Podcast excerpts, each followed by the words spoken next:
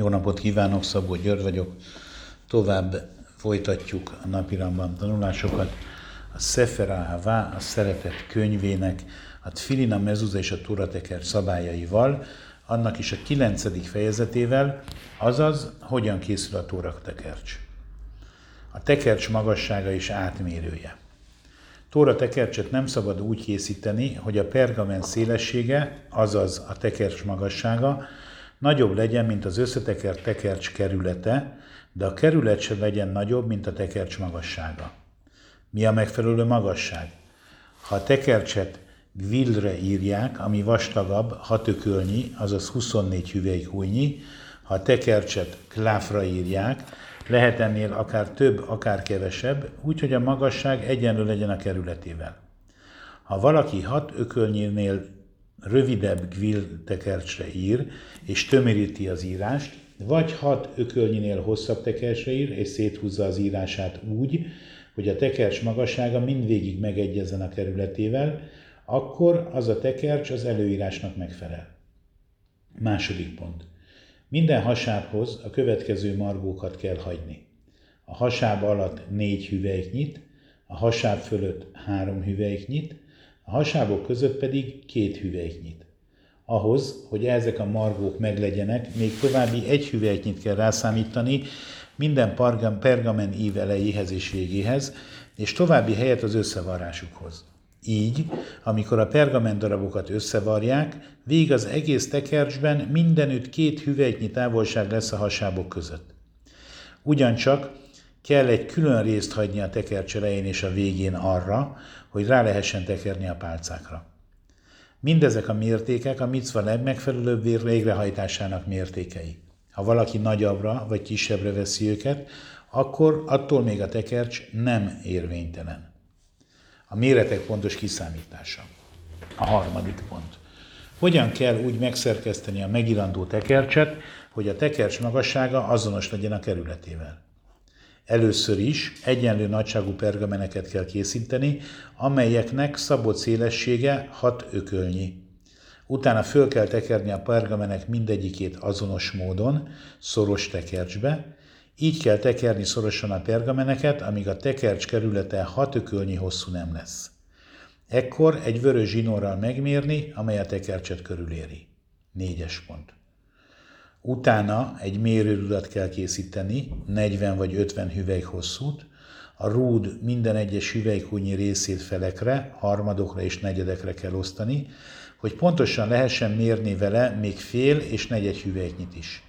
Ezzel a rúddal mindegyik pergament meg kell mérni, és hüvelykben meg kell határozni a hosszát egészen addig, míg a tekercs teljes hosszát kiszámítottuk. Ötös pont.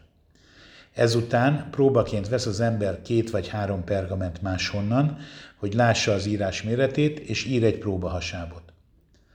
Az írásra használt hasáb magassága nyilvánvalóan 12 hüvelyknyi lesz, mivel a 24 hüvelykújnyiből fent három újnyi, lent pedig négy újnyi margót hagyunk. A hasáb szélessége azonban az írás szélességétől függően változhat.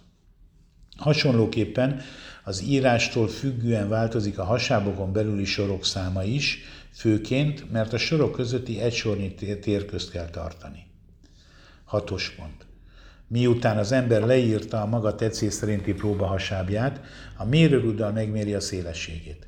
Ezután hozzáadja a két hüvelyk szélességet a hasábok közötti helyre, és kiszámolja, hogy ezzel az írásmérettel számolva hány hasából áll majd a tekercs. Miután már tudja, hány hasáb számára van hely a tekercsen, annak a tekercsnek az alapján, amelyből másolni szándékozik, ki kell számolnia, hogy az egész tóra belefér-e annyi hasábba, amennyi az új tekercsre az írása mérete alapján számolva ráfér. Ha a teljes tóra belefér ennyi hasábba, a tekercs a megfelelő módon lesz írva. Ha a számítások szerint a kelleténél több hasábot tartalmaz, akkor húzni kell az írást, hogy kevesebb hasáb férjen el egy tekercsen. Ilyenkor kell írni egy újabb próbahasábot, és újra kell végezni a számolási műveletet, míg megfelelő eredményt nem kapunk. Hetedik pont. Miután a másoló már tudja a hasáb szélességét és az írás nagyságát, fogja a pergamentekercset, és mindegyik pergament vonalakkal hasábokra osztja, annak a próba hasábnak megfelelően, amelynek alapján a fenti számítási műveletet elvégezte. Ha pergamenre ráfér utolsó hasáb után 3-4 hüvelyknyi szélességnél több marad, csak egy hüvelyknyi meg a varráshoz szükséges darabot kell kihagyni, a többit pedig le kell vágni. Emiatt pedig nem kell aggódni, hogy végül újabb pergameneket kell majd fűzni a tekercshez, hogy pótoljuk a levágott darabokat. Ugyanis ez nem történhet meg, mivel az írást a tekercs eredetileg kiszámított hasábszámának megfelelően osztjuk be. Nyolcas pont. Hasonlóképpen, ha valaki hatökölnyi kerületnél vastagabb vagy vékonyabb tekercset kíván készíteni, hasonló számításokat kell, hogy végezzen. Így, ha az illető nem téved a számolásban, a tekercs magassága egyenlő lesz a kerületével. Nem lesz se hosszabb, se rövidebb. A használt egységek pontos mérete. 9-es pont. A hüvelyknyi szélesség alapján, amelyel ezeket a számításokat végezzük, és amivel az összes tórával kapcsolatos számítást végezzük, egy átlagos ember hüvelykúja. Pontosan megmértük, mekkora ez, és úgy találtuk, hogy egyenlő hét szorosan egymás mellé helyezett átlagos árpaszem szélességével, amely körülbelül két hosszában egymás mellé tett árpaszem hosszának felel meg. Ahol ökölnyi szélesség van írva, az négy ilyen hüvelyknyi szélességet jelent, ahol könyök van írva, az hat ökölnyit jelent. Maimonides tórája. Tízes pont. Abban a tóratekercsben, amelyeket én írtam, a hasábok szélessége négy hüvelyknyi volt, kivéve azokat a hasábokat, amelyekre a Vörös-tenger éneke és a Házino ének íródott. Ezek hat hüvelyk szélesek voltak. Minden hasábban 51 sor, és a teljes tóratekercs 226 hasáb. A tekercs összesen körülbelül 1366 hüvelyk hosszúságú volt. 11-es pont. Az a hat hüvelyknyi többlet, amit a számítást elvégezve kaptunk, a tekercs elején és végén lévő margóhoz kellett. A tekercset kosbőrből készített pergamenre írtam. Ha valaki ezekhez a mértékekhez igazodva, vagy ezektől csak kicsit eltérve, azaz két-három hasábbal, hosszabbal vagy rövidebbel kíván tekercset írni, nem kell számolással bajlódnia, mert minden nehézség nélkül olyan tekercse lesz, amelynek a hossza egyenlő a kerületével. Pergamenívek. 12-es pont. Egy pergamenre nem szabad három hasábnál kevesebbet és nyolcnál többet írni. Ha valakinek akkora pergamenje van, amekkorára kilenc hasáb kifér, ossza ketté olyan formán, hogy az egyik részre öt, a másik négy hasábot tartalmazzon, hogy ne legyen az ívek között túl nagy az eltérés. Mikor érvényes ez? A tekercs elején vagy a közepén? A tekercs végén azonban, még ha csak egy vers jut is egy hasábba, azt a hasábot egy külön pergamenre kell írni, és azt odavarni a másik pergamenhez. 13-as pont.